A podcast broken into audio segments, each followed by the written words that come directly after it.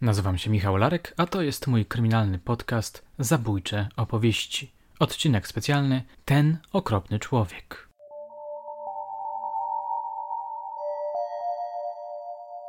Nie mogłyśmy liczyć na pomoc sąsiedzką, pisała pani Małgorzata. Nie wspominam o wsparciu psychologicznym, ponieważ czegoś takiego wtedy po prostu nie było. Nikt nie interesował się naszą sytuacją, a mama była zbyt zapracowana i zmęczona, aby szukać innej pomocy. Żyłyśmy od jednego ataku szału do drugiego, z przerwami na względny spokój. W maju 1987 roku zaczął się początek przemocowego apogeum. Była to niedziela, środek dnia. On zaczął się awanturować, szarpać mamy. W chwili jego nieuwagi szepnęłam do niej, że trzeba uciekać. Mama szybko wzięła torebkę, narzuciła jakiś płaszcz. Ja też w chwilę byłam gotowa do wyjścia.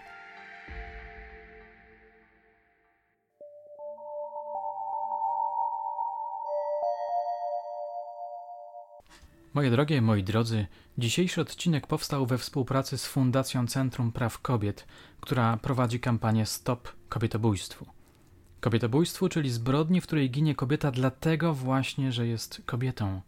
25 listopada na całym świecie obchodzony był Międzynarodowy Dzień Eliminacji Przemocy wobec Kobiet, który zainicjował 16 dni przeciwko przemocy ze względu na płeć. Według szacunków fundacji rocznie ginie nawet 500 kobiet w Polsce w związku z przemocą domową. 500 kobiet. Postanowiłem więc włączyć się w działania Centrum Praw Kobiet i w ramach niniejszego odcinka opowiedzieć Wam wstrząsającą historię pani Małgorzaty, którą jakiś czas temu znalazłem w swojej skrzynce mailowej. Wracam zatem do 1987 roku. Mama i córka próbują uciec z domu, w którym zaczyna grozić im niebezpieczeństwo – jak się później okaże, śmiertelne niebezpieczeństwo. Dziewczynka wychodzi, mama za chwilę przekroczy próg drzwi. Niestety oprawca dopada mamę w drzwiach i zaczyna ją wciągać do mieszkania. Dziewczynka stoi już na klatce schodowej. Mimo przerażenia wraca, żeby pomóc mamie. Łapie ją za rękę i ciągnie w swoją stronę. Jest ciężko, ale udaje się. Uciekają. Pojechałyśmy do siostry, czytam dalej. Tam mama opowiedziała, co się stało, co się działo wcześniej. Siostra zaproponowała, abyśmy zostały u niej na noc. Mama zgodziła się na to, żebym została na dłużej u siostry. Bała się, że może mi coś złego zrobić. Sama zdecydowała się wrócić do naszego mieszkania. Był późny wieczór, kiedy dotarła do domu. Drzwi od mieszkania były otwarte na oścież, wewnątrz zapalone światło we wszystkich pomieszczeniach. Mieszkanie było częściowo zdemolowane. W drzwiach były powybijane szyby, wszędzie panował straszny bałagan, Sprzęty poprzewracane, ubrania mamy powyciągane z szaf, podarte, polane jakąś cieczą. Tylko jego nie było. Nie pamiętam, kiedy wtedy wrócił i w którym momencie mama zadzwoniła na policję, ale wiem, że w końcu go zamknęli na 48 godzin. Sąsiedzi nadal nie chcieli zeznawać.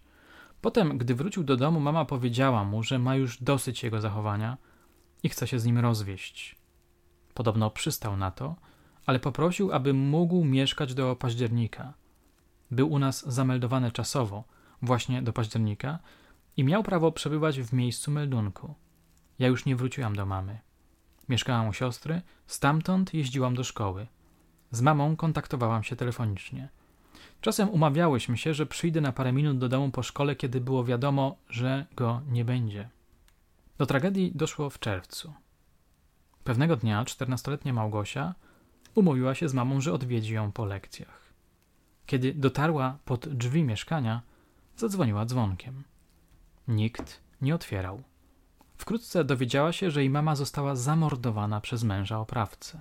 Poprzedniego dnia wieczorem mama, kładąc się spać, zażyła leki nasenne, kontynuowała pani Małgorzata. Z powodu zszarganych nerwów nie mogła normalnie zasypiać.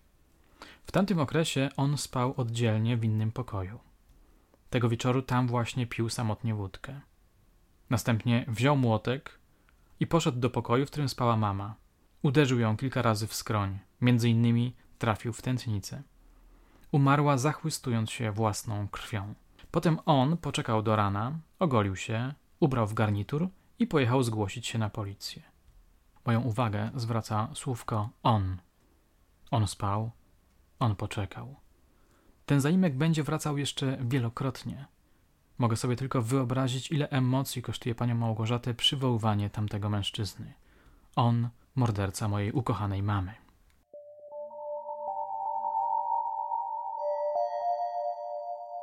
W tej historii uderza mnie to, że wszyscy kolejni mężowie pani Stanisławy byli alkoholikami, a więc ludźmi, których, jak ośmielam się przypuszczać, trawiły jakieś egzystencjalne bolączki. Alkoholizm ma przecież swoje poważne przyczyny. Czy to byli ludzie sfrustrowani, niespełnieni, przegrani? Zastanawiam się, wczytując się w tę opowieść. Wszechobecność alkoholu jest tu zaiste zatrważająca. Moja mama była trzykrotnie mężatką. Pierwsze małżeństwo, rodzi się dwoje dzieci, córka i syn, mąż ma problem z uzależnieniem od alkoholu. Bardzo mało wiem o tym związku. Gdy dzieci były wczesnymi nastolatkami, ich pijany ojciec wszedł do rzeki, aby popływać. Utopił się. Mama została wdową. Drugie małżeństwo mamy to związek z moim ojcem. Zakończyło się z rozwodem, gdy miałam sześć lat. Powodem był alkoholizm taty. Jego zachowania po alkoholu to na przykład budzenie mnie i mamy w środku nocy i wysłuchiwanie do rana jego pijackich monologów. Nie pozwalał nam zasnąć, dopóki się sam nie zmęczył. Było wiele nieprzyjemnych momentów, których byłam świadkiem. Natomiast nigdy nie zaobserwowałam przemocy fizycznej. Po rozwodzie rodziców tata rzadko mnie odwiedzał, a jeżeli już, to zazwyczaj był pod wpływem. Nie pamiętam, kiedy widziałam go ostatni raz. Na pewno nie spotkałam go ani razu od śmierci mamy. Wiem, że dowiedział się, że mama nie żyje, a ja mieszkam z dorosłą siostrą, ale nigdy mnie nie szukał. Zmarł cztery lata po mamie. Przyczyną zgonu było zatrucie alkoholem metylowym. Alkohol jako przekleństwo, myślę sobie, jako fatum. Coś, co zamienia mężczyzn w bestie. Śmierć przychodzi do pani Stanisławy pod postacią trzeciego męża, alkoholika sadysty. Po kilku latach od rozwodu mama poznaje mężczyznę, z którym wiąże się na stałe. Pisze dalej pani Małgorzata. On wprowadza się do naszego mieszkania. Po pewnym czasie biorą ślub. On, gdy jest trzeźwy, jest w miarę znośny. Mimo to zawsze czuję się przy nim spięta i nie jestem w stanie go polubić. Dzieci jakimś dodatkowym zmysłem wyczuwają naturę innego człowieka. Okazało się, że miałam rację co do niego, że nie jest dobrym kandydatem na partnera dla kobiety i opiekuna dla mnie. Po dokonanym zabójstwie na mojej mamie dowiedzieliśmy się, że w czasie swojego pierwszego małżeństwa robił straszne rzeczy swojej ówczesnej małżonce i własnym dzieciom. Na przykład jego była żona ze strachu przed jego agresją wyskoczyła z pierwszego piętra, będąc w trzeciej już zaawansowanej ciąży. Niestety nikt nie znał faktów z jego przeszłego życia. Dopiero jakiś czas po śmierci mamy jego najmłodsza córka przyjechała do nas i opowiedziała, przez jaką gehennę przechodziła ona i jej bliscy. Gdy pani Małgorzata opisuje, w jaki sposób oprawca znęcał się nad nimi, czuję, że coś ściska mnie za gardło. Ten okropny człowiek zupełnie na trzeźwo potrafił nas, mnie i mamę, wyśmiewać, szydzić z nas, rzucić talerzem z jedzeniem o ścianę, gdy mu danie nie smakowało. Zakazywał mi wchodzić do dużego pokoju i oglądania telewizji. Szukał jakiejś placówki, gdzie można by mnie oddać na stałe. Przyniósł do domu kiedyś wielkiego, groźnego psa, którego się z mamą bałyśmy. Kiedy zostawałam sama w domu, pies był zamykany w łazience, aby się na mnie nie rzucił i mnie nie pogryzł. Wobec tego nie mogłam korzystać z toalety. Był apodyktyczny, wszystko musiało być tak, jak on chce. Chciał mamę sobie całkowicie podporządkować. Najgorsze chwile przeżywałyśmy, gdy się upił. Robił straszne awantury, wyzywał mamę od najgorszych, bił ją, wykręcał jej ręce. A kiedy to wszystko robił, ja kuliłam się ze strachu w moim pokoju. Mimo, że niczego nie widziałam, słyszałam wszystko. Mama wyła z bólu, błagała, żeby przestał, a on potrafił znęcać się nad nią do wczesnych godzin rannych. Po takiej nocy ledwo wytrzymywałam w szkole z braku snu i lęku o to, co będzie dalej. Mama była wtedy kłębkiem nerwów, ale ukrywała to, co się dzieje przed innymi, ponieważ dopiero co wyszła trzeci raz za mąż i wstydziła się przyznać komukolwiek do porażki. Łudziła się nadzieją, że jakoś się między nimi w końcu poukłada, choć ja jako dziecko wiedziałam, że jedyna droga to jak najszybsze rozstanie. Ta opowieść uprzytamnia, jak bardzo kobiety są osamotnione w tej swojej gehennie. Często nie mogą liczyć na wsparcie sąsiadów, instytucji, służb, społeczeństwa. Zwróćmy uwagę na to, że ważną rolę odgrywają tu też różne społeczno-osobiste sploty. Nie wiem, jak to nazwać lepiej. Pani Stanisława ukrywała swój dramat przed innymi, ponieważ dopiero co wyszła trzeci raz za mąż i wstydziła się przyznać komukolwiek do porażki. Takich okoliczności nie można zignorować, kiedy zabieramy głos w sprawie. Zanim ktoś zapyta zirytowany, dlaczego one nie uciekają, dlaczego pozostają w piekle, dlaczego się nie ratują, dlaczego nie walczą o siebie, powinien wszystkie te aspekty dokładnie rozważyć. Przez długi czas mama nigdzie nie zgłaszała jego zachowań, przemocy fizycznej i psychicznej, kontynuuje pani Małgorzata. W tamtym okresie nie istniały takie miejsca jak Centrum Praw Kobiet czy inne. Ze sprawami przemocy domowej można było zgłosić się tylko na policję. A żeby wezwać policję, trzeba było najpierw wyjść z domu i przejść się do najbliższej budki telefonicznej oraz niezbędne były monety w portfelu. A w takich sytuacjach ucieka się nie myśląc, czy ma się drobne przy sobie, o ile się w ogóle uda wydostać z domu. Szło się więc zgłosić problem do dzielnicowego następnego dnia po zdarzeniu. Rozmowa z dzielnicowym lub z interweniującym policjantem wyglądała zawsze podobnie. Rozkładali ręce i mówili, że to jest sprawa rodzinna, oni w takie sprawy się nie mieszają. Potrzebni są świadkowie. Jeśli ktoś z sąsiadów by wezwał policję, to co innego. Wtedy by przyjechali i zabrali pana na komisariat. Mama, gdy już było bardzo źle, chodziła od sąsiadów do sąsiadów i prosiła, aby ktoś zadzwonił po policję, kiedy będą słyszeć jej krzyki. Niestety odpowiedź sąsiadów to przykro nam, ale nie będziemy się wtrącać w czyjeś życie. Potem jeszcze będą musieli być świadkami w sądzie, a tego by nie chcieli. Nie mogłyśmy więc liczyć na pomoc sąsiedzką. Nie wspominam o wsparciu psychologicznym, ponieważ czegoś takiego wtedy po prostu nie było. Nikt nie interesował się naszą sytuacją, a mama była zbyt zapracowana i zmęczona, aby szukać innej pomocy. Tak więc pani Stanisława, pozostawiona samej sobie, została zatłuczona młotkiem przez swojego pijanego, agresywnego męża. Wiecie, jaką karę poniósł ten oprawca? Według tego, co mówi pani Małgorzata, został osadzony na dwa lata w szpitalu psychiatrycznym.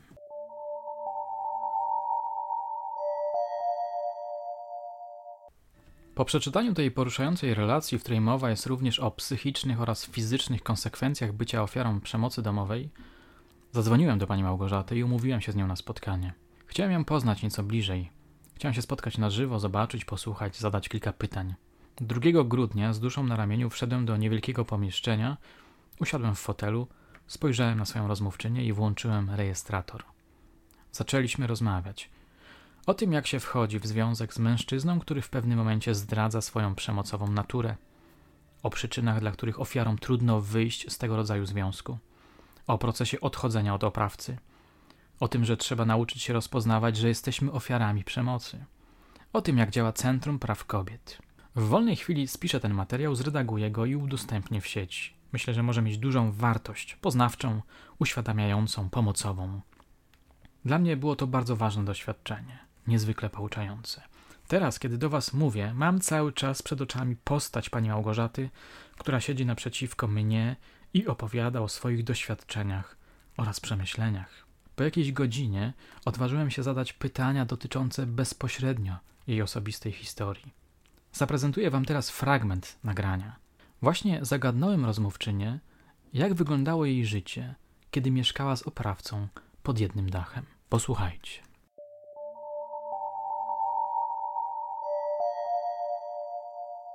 uciekałam z domu. Znaczy ja w tym domu nie chciałam być, nie chciałam przebywać i nie, nie lubiłam, no i bałam się. Dlatego y, gdzieś y, przebywałam w gronie, rówie, w grupie rówieśniczej. Ja też chodziłam do y, podstawówki, w której, mm, znaczy to, to jest podstawówka w takiej dzielnicy Łodzi, gdzie e, w ogóle bardzo dużo dzieciaków miało problemy e, właśnie w, w rodzinach. W zasadzie prawie całej, w każdej rodzinie był, był problem jakiś z alkoholem, tak? Więc to były dzieciaki takie e, z problemami. No i też taka grupa właśnie takich dzieciaków jakoś lgnęła do, do, do siebie. I spędzaliśmy mnóstwo czasu ze sobą po szkole. W,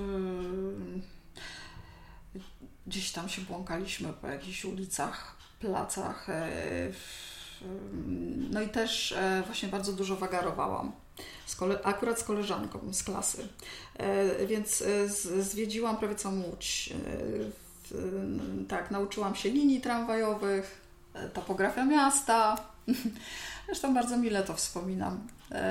Wcale nie, nie uważam, że to był stracony czas. E, miałam problemy w nauce, no bo tak, jak się uczyć w takich warunkach? E, do tego właśnie też czasami były nieprzespane noce. In, inna kwestia, że ja w ogóle też nigdy nie miałam pomocy e, tak w, w lekcjach w nauce. Tak? Moja mama zawsze mówiła, że no, ona właśnie no, no jest niewykształcona, więc ona nie, nie pomoże mi w lekcjach, więc ja zawsze musiałam sobie radzić sama. A radziłam sobie jak umiałam, tak? Czyli e, chodziło o to, żeby przetrwać szkołę, tak? E, I tutaj, e, czyli, czyli tak, kłopoty właśnie w szkole, w nauce i też jakby no to grono dzieciaków było najważniejsze w tym momencie i czas spędzany z nimi. To, to chyba taka rzecz. Emocjonalnie to, to jest to był taki okres, kiedy, to był w ogóle taki czas, jak on się pojawił, że to był w ogóle jakiś taki początek okresu dojrzewania, tak? Gdzieś tam, gdzieś 11 lat, tak? To, mm, więc to jest w ogóle trudny czas. Ja w ogóle gdzieś oczywiście uciekałam, tak? E, też mentalnie w, w, w, w takie różne historie. Na, na szczęście zresztą w ogóle od wczesnych lat szkolnych dużo, e, dużo czytałam. I w ogóle uważam, że książki uratowały mi życie to była kwestia też, też właśnie e, czytania książek i, no i spędzania czasu właśnie z, z rówieśnikami. Tak sobie radziłam. Jakieś napady lęku, strachu wtedy? No tak, tylko że wtedy to, to, to wszystko było takie nieuświadomione. Tak? E, działy się pewne rzeczy, natomiast ja nie wiedziałam, że, że, to, że to jest to.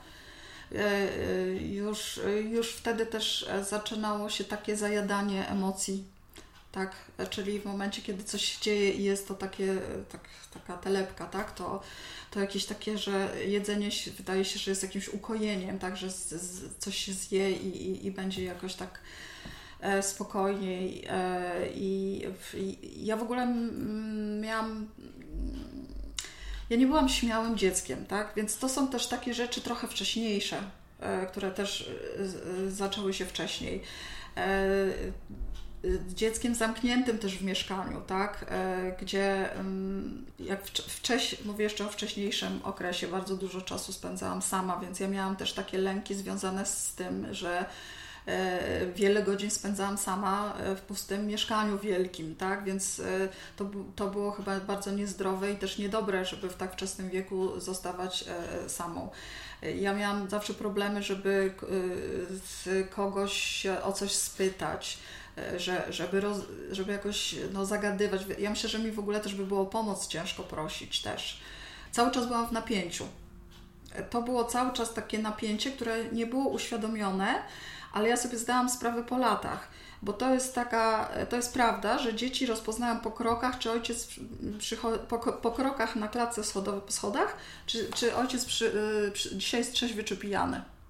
Czyli już jakby po pierwszych y, chwilach, jak się pojawiał, e, czy wiedziałam, czy jest trzeźwy czy pijany, ale też kwestia, w jakim jest humorze. Więc to cały czas było napięcie y, w domu, które ma być y, tak oazą bezpieczeństwa. E, I e, trochę na przykład to napięcie puszczało, kiedy wiedziałam, że a dzisiaj jest w porządku, tak? Oglądają jako, jakiś, jakiś film, e, jest miło, o czymś tam sobie rozmawiają, herbatka, aha, no dobra, no to ja się mogę zająć sobą, cokolwiek to by nie było, tak? I się rozluźniałam na, na chwilę. Ale normalnie cały czas było napięcie. Ja wracałam po szkole i ja nie wiedziałam, co będzie w domu, tak? Co ja zostanę w domu. I czy jest mama, czy nie będzie, a zazwyczaj mamy nie było. E, no więc co, więc w związku z tym po prostu wychodziłam z domu, tak, żeby, żeby tylko nie być w domu. A jak byłam w domu, no to po prostu cały czas byłam napięta. Nawet jak on był w tym swoim jednym pokoju, a ja byłam w drugim i był trzeźwy, to miałam w sobie taki niepokój. Znaczy ja czułam, że to jest taki człowiek, który nie wiadomo co mu do głowy strzeli.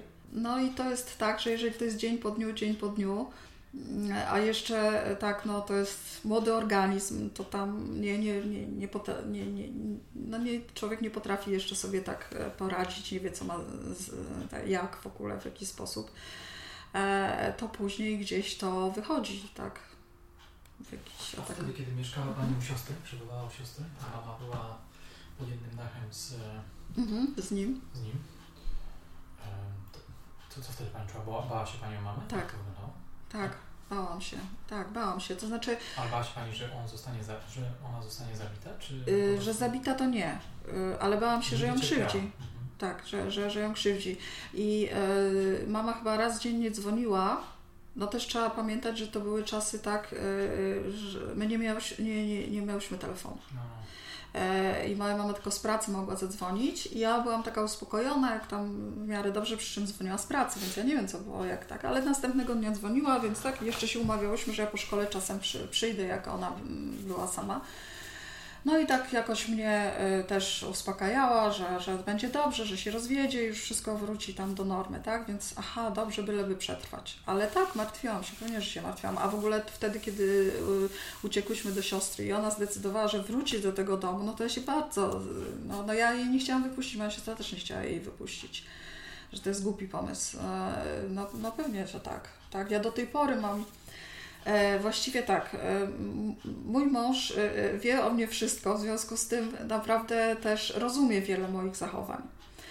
Ale jest bardzo biedny, jeżeli wyjeżdża, bo jeżeli nie od, umawiamy się na jakiś telefon na jakiejś porze i, i, i nie ma tego telefonu, ja nie mogę się dodzwonić, to ja wpadam, to ja mam, ja, ja mam atak paniki. Naprawdę. I to jest, mi się wydaje, że co, po prostu tam tamto wydarzenie związane ze śmiercią mojej mamy, to wtedy to było takie wstrząsające, bo ja pierwszy raz y, doświadczyłam tego, że jest człowiek i za moment nie ma człowieka. To było tak, to mogło być oczywiście, że to mogła, nie wiem, bab, babcia, dziadek umrzeć, czy ktokolwiek inny, tak? Ale ja tego doświadczyłam pierwszy raz, że jest człowiek, bo ja wieczorem rozmawiałam z mamą dzień y, przed. Y, było wszystko ok, a następnego dnia już jej nie ma ja po prostu mam taki yy, tak lęk, że ktoś żyje i za moment można stracić tą osobę, że to jest chwila, moment. I to tak we mnie jest głęboko, że właśnie jak, yy, jak nie mam tego kontaktu z moim mężem, to yy, od razu mam najgorsze scenariusze, tak? I jak, jak, jak on w końcu oddzwoni, to ja zazwyczaj już jestem zalana łzami. Dopytałem o dzień, w którym 14-letnia Małgosia dowiedziała się o śmierci swojej mamy. Pamiętacie, było to przedstawione tak, że dziewczynka Umówiła się na spotkanie ze swoją mamą, stanęła przed jej mieszkaniem, zapukała do drzwi i nikt nie otwierał. Tutaj nastąpiło w tej relacji cięcie i potem wiemy już, że matka została zamordowana przez swojego sadystycznego męża. Poprosiłem panią Małgorzatę, żeby dokładniej odtworzyła ten czas. Przechodziła siostra sąsiadki, i tak poszła e, schodami trochę w górę, zatrzymała się e, i tak e, mówi, że, że nie dzwoń, nikogo nie ma. A ja byłam z mamą umówiona, tak, więc tak zdziwiłam się. I ona mówi, to chodź, chodź na górę, tak, do, do, do mojej siostry bo nie wiem, czy, czy powiedziała, że, czy sta, że stało się coś złego, yy, jakich słów użyła, natomiast ja idąc yy, po schodach, wiedziałam już, że coś. Yy, znaczy, myśl była taka, że on ją pobił tak, że wylądowała w szpitalu. I zleciała się jeszcze jedna sąsiadka, taka okropna yy, kobieta też taka na zasadzie coś się dzieje, ciekawostka, sensacja, tak? E, jest w kamienicy, doszło do zabójstwa. No i teraz sobie popatrzy na 14-letnie dziecko, które się dowiaduje o tym, że jej mama nie żyje. No i wtedy ta sąsiadka, e, ta, ta co, co właśnie z, nie ta okropna kobieta, tylko ta druga, powiedziała tak, że twoja mama nie żyje, on ją zabił od razu się rozryczałam, tak? Od razu to był ryk. Nie mogłam się opanować. Przez jakiś czas tam jeszcze byłam, mm, bo yy, nie wiem ile czasu, ale czekałyśmy na powrót e, męża e, z pracy, który miał mnie odwieźć e, właśnie do domu mojej siostry. I właśnie ta okropna baba jeszcze tam jakiś komentarz rzuciła na, tej, na, na zasadzie coś, że, że mama sama była sobie winna, czy coś w tym stylu. No, naprawdę podziwiam ludzi, że w takich sytuacjach potrafią się tak zachowywać. To jest naprawdę też nie, nie, niepojęte. No pojechałam tak do siostry, natomiast y, no, oni byli, bo mój szwagier tak naprawdę miał klucze też chyba od mieszkania, tak, miał klucze od mieszkania y, i jakoś tam, y, nie wiem z jakiego powodu rano pojechał po coś i że nie, nie chyba też był może umówiony i że nie, nie, nie, nie otwierała mama, to otworzył drzwi i, i ją znalazł. I w międzyczasie tam coś spróbowano tak wyrzucić i tak dalej, natomiast no nie dało się tak od razu e, wymalować pokoju i tak dalej, w związku z tym widziałam tak, znaczy nie było już wersalki, tak, bo była wyrzucona, natomiast, bo moja mama była w moim pokoju, spała w moim pokoju i no, ponieważ to była tętnica, tak, no to krew była wszędzie, tak, i, i, i tak jak teraz nie wiem, to głupio może zabrzmi, ale jak w filmie są sceny, tak, i, i, jeżeli wiem, że to była jakaś te, krew tętnicza, to, to wiem, tak, czy to jest e, wiarygodne, czy nie, tak. E, nigdy nie myślałam, że rzeczywiście ta krew może być wszędzie i może być jej tak dużo i że jeszcze później długo, długo się gdzieś tam na jakichś kawałeczkach, dosłownie w firankach gdzieś tam jakaś takie dosłownie znajdowałam w takich miejscach, że rzeczywiście jak ktoś myśli, że zetrze wszystkie ślady, e, no to jest naiwne, tak. Wspominałem już, że pani Małgorzata w swojej relacji mówiła o psychicznych oraz fizycznych konsekwencjach bycia ofiarą domowej przemocy. W naszej rozmowie nawiązaliśmy do tego tematu. Tak naprawdę jestem w terapii e, stosunkowo od niedawna, bo dopiero od roku. Ja, ja sobie tak naprawdę poradziłam sama i teraz dopiero y, sobie jeszcze tam szlifuję pewne rzeczy w sobie e, i dopiero mam świadomość, dochodzą do mnie te konsekwencje, dlatego ja też to rozpisałam. E, a propos tego mutyzmu, który tam wpisałam, e, to też jest rzecz, która w ogóle koleżanka, która jest psycholożką, wrzuciła tekst na, na Facebooka właśnie o wtórnym mutyzmie wśród dzieci E, ponieważ ja podejrzewałam siebie o coś takiego w dzieciństwie, e, to, to zaczęłam się pytać o osoby dorosłe. Okazuje się, że nie ma terapii dla osób dorosłych, tak? Nikt tego nie diagnozuje. A teraz rozmawiamy ze sobą i Pan może pomyśleć, że no tak, ale przecież komunikujemy się, o co chodzi? Ale to nie jest tak, że to się pojawia e, non-stop i w, w każdej rozmowie. E, bo ja e, też w rozmowie jeden na jeden jakby całkiem dobrze sobie radzę, tak? E, zależy od osoby też, ale tak. Natomiast wystarczy, że już byłaby druga osoba i już gdzieś czuję się zablokowana. Każda dodatkowa osoba, tak? Czy właśnie w zabranie głosu gdzieś na forum. To znaczy, to jest niemożliwe na razie dla mnie, absolutnie.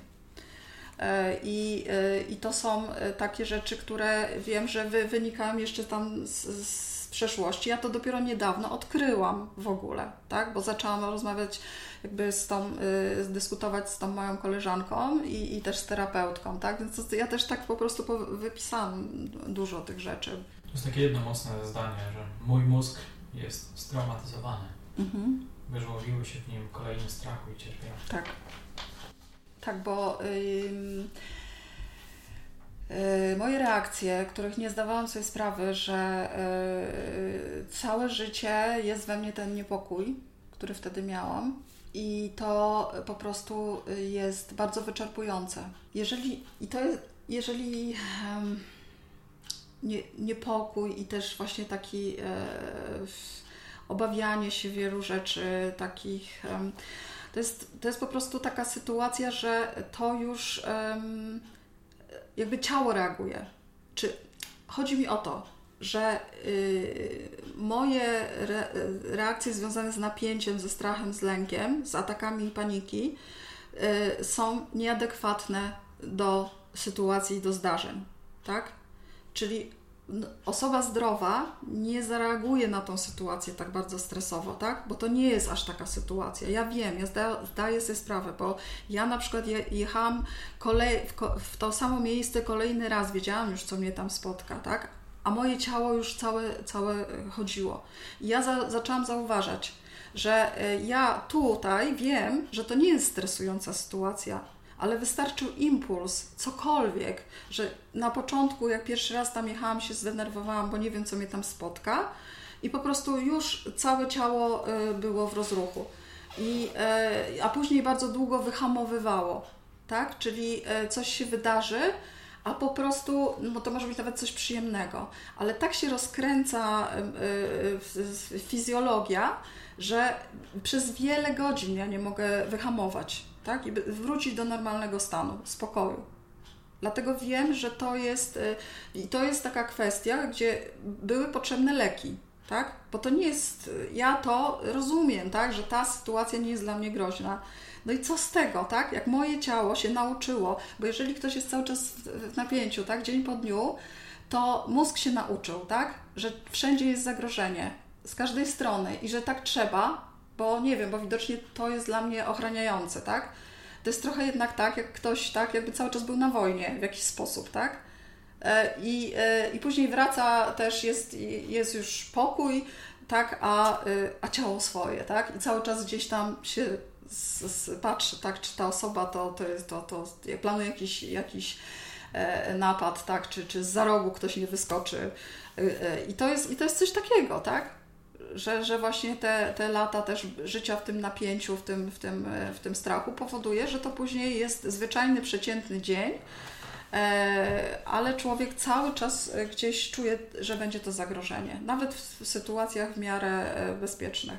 Czyli ten stres pourazowy, no, są jakieś tak. zmiany w mózgu. I... Tak, tak. I to już, to już dlatego one, tak, ja, ja sobie tak mówię, że to są takie wyżłobienia e, i że trzeba teraz dużo, dużo czasu, żeby y, tak jakby coś tam się zmieniło. Na razie jest o tyle dobrze, tak, że no, leki mi rzeczywiście pomogły, tak, i zdaję sobie sprawę i też, kurczę, jak, e, jak ktoś może, to niech sięgnie po, po pomoc, bo, y, bo, ja, bo wa, warto jest walczyć o, y, o jakość życia. No właśnie, gdyby miała Pani zwrócić się teraz do, do odbiorców, do słuchaczek, do słuchaczy, to co Pani powiedziała? Jeżeli e, ktokolwiek rozpoznaje e, tak, e, że w związku coś jest nie tak, nie ma, nie ma ta osoba pewności, tak, czy dobrze myśli, to mimo wszystko niech poszuka miejsca, tak, gdzie może się skonsultować. Co szkodzi sprawdzić? Ale bo jakby od, od świadomości, że to jest przemoc, można coś już zacząć robić, tak? Ze swoim życiem. Więc, więc yy, ma się pewność, nie ma się pewności, różne myśli przychodzą, ale jednak warto się konsultować. Warto też zgłaszać się do takich ośrodków specjalistycznych, tak? Bo też nie zawsze, nie każdy psycholog tak yy, to wyłapie. Dlatego yy, zamiast by, przez starać się ratować ten związek przez lata, lepiej tak przyjść do e, chociażby Centrum Praw Kobiet i, i, i tutaj z naszymi specjalistkami porozmawiać. Moje zdanie jest takie, że od przemocowców się odchodzi. E, I e, im wcześniej, tym lepiej, przy czym wiadomo, każdy ma inne okoliczności, więc czasami potrzeba na to więcej czasu, ale e, no, zawsze musi być ten pierwszy krok. Cokolwiek. Nie, dzisiaj nam się wydaje, że, że to jest niemożliwe, że, przed, że po prostu czeka, czekają takie przeszkody, że się nie da przez to przejść. To trzeba się skupić na tej pierwszej przeszkodzie tak? Nie, nie, nie myśleć o, o, tych tysiącu, bo to wtedy rzeczywiście przytłacza, tylko o tej jednej i zobaczy, zobaczy, wtedy można zobaczyć, co dalej, tak? Krok po kroku, ale y, no ja jestem najlepszym przykładem na to, że tak, można wyjść z przemocy, można dokonać zmian w sobie i warto w ogóle walczyć o siebie i o swoje życie, o tą y, właśnie o poprawę jakości swojego życia, bo, bo życie mamy jedno. Przede wszystkim y, tutaj warto odchodzić e, z przemocowych związków dla dzieci. Bo to, to, jest, e, to, to nie jest tak, że jeżeli przemoc jest stosowana mm, w stosunku do, do matki, a przemoc jest chociażby tylko psychiczna, to, to, to ojciec nie stosuje przemocy wobec dzieci. To jest przemoc wobec dzieci. E, krzywdzenie e, e, matki, tak, jeżeli dziecko jest świadkiem, nawet jeżeli to jest, są wyzwiska, to to jest, to to jest też przemoc wobec dziecka. I w, słyszę też, i nasze, moje koleżanki też słyszą, że zostają też kobiety w, te, w tych związkach dla dobra dzieci, tak? Żeby rodzina była pełna. Nie, dla dobra dzieci trzeba odejść z, ta, z, ta, z, z takiej, zakończyć ta, taką relację. Dzieci y, potrzebują poczucia bezpieczeństwa, żeby się móc normalnie rozwijać. To nie jest tak, że zabiera się ojca, bo ten ojciec jest tak i te kontakty zawsze można ustalić. E, I e, naprawdę to jest takie ważne, żeby, żeby, żeby właśnie dziecko mogło wrócić po szkole do domu i wiedzieć, co, co tam się zostanie, tak? Czyli żeby to życie było przewidywalne, chociażby pod, pod tym kątem, e, że, że tam jest bezpiecznie. Tak? Że to jest miejsce, gdzie nie stanie nam się krzywda, że tam nie ma osoby, która nam zrobi krzywdę, tak? czy krzywdę na, najbliższym. I, e, I to jest najważniejsze, a nie to, że pod jednym dachem mieszka się z mamą i z tatą. Więc tutaj naprawdę to jest bardzo ważne, e, żeby też, bo później jest tak też, że e, no właśnie powiela się te schematy, więc można wejść w rolę albo ofiary przemocy, albo sprawcy przemocy, E, tak, róż, różne są te losy e, właśnie dzieci z takich rodzin, więc tutaj też chodzi o przyszłość tych dzieci, żeby że im mniej mają do czynienia z tą przemocą, tym większe szanse są, że, że w przyszłości będą mogły za, założyć e, taką zdrową rodzinę, tak, być w zdrowej rodzinie, założyć zdrowy związek. Mm, I też Y, jeszcze co bym chciała powiedzieć, to, że to nie jest tak, że jeżeli jesteśmy świadkiem, to nas to nie dotyczy. W jakiś sposób osoby, które nie reagują, to też poniekąd no, do, dokład, no, to gdzieś no, też są współsprawcami. Chociaż nikt tak o sobie nie pomyśli. No ale jednak tak, to jest jedna cegiełka do cegiełki, tak? I, i, I każdy policjant, który przychodzi na interwencję, musi zdawać sobie sprawę, że jeżeli się odwróci od tej kobiety i wyjdzie, to ta kobieta może stracić życie.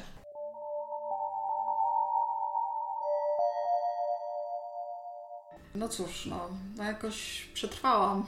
Przetrwałam, przeżyłam. Mm, mam nadzieję, że, że moja praca się przydaje, że, że robię w miarę dobre rzeczy i, i teraz mam w miarę dobre życie. Jestem w dobrym związku, więc jakby no, no, no cóż mam powiedzieć. Przeżyłam na pewno wiele trudnych rzeczy, ale muszę powiedzieć, że tak, przez długi czas w swoim życiu czułam, że jestem, y, że jestem wyjątkowa ale w takim sensie, że tak jakby mi tylko to się przytrafiło. Tym bardziej, że było takie tabu, żeby o tym nie mówić. Teraz wiem i też przeczytałam sobie, yy, to mówię przeczytałam, bo ostatnio też przeczytałam Pana historię jednego yy, i też, że naprawdę są sytuacje i, i, i historie o wiele trudniejsze i gorsze, tak? Że na, naprawdę to, że ja też nie jestem właśnie wyjątkowa i moja historia nie jest aż tak wyjątkowa. Tak, ona się skończyła śmiercią, tak, więc pod tym względem, no to rzeczywiście to, to jest tragedia. Ale naprawdę ludzie, dzieci przeżywają takie straszne rzeczy, e, że po prostu, no, no taki tak, no tak się niestety dzieje. Moje drogie, moi drodzy, na dzisiaj to już wszystko. Oczywiście będę wracał do tych tematów. Po rozmowie z panią Małgorzatą czuję się wręcz zobowiązany, żeby raz na jakiś czas nagrywać odcinek poświęcony przemocy domowej, przemocy przeciwko kobietom, kobietobójstwu. Dziękuję Wam za serdeczną uwagę. Do usłyszenia już niebawem.